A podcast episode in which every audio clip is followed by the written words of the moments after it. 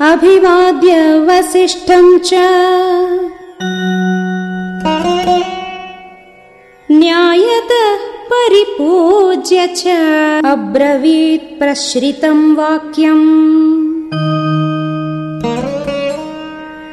प्रसवार्थम् द्विजोत्तमम्।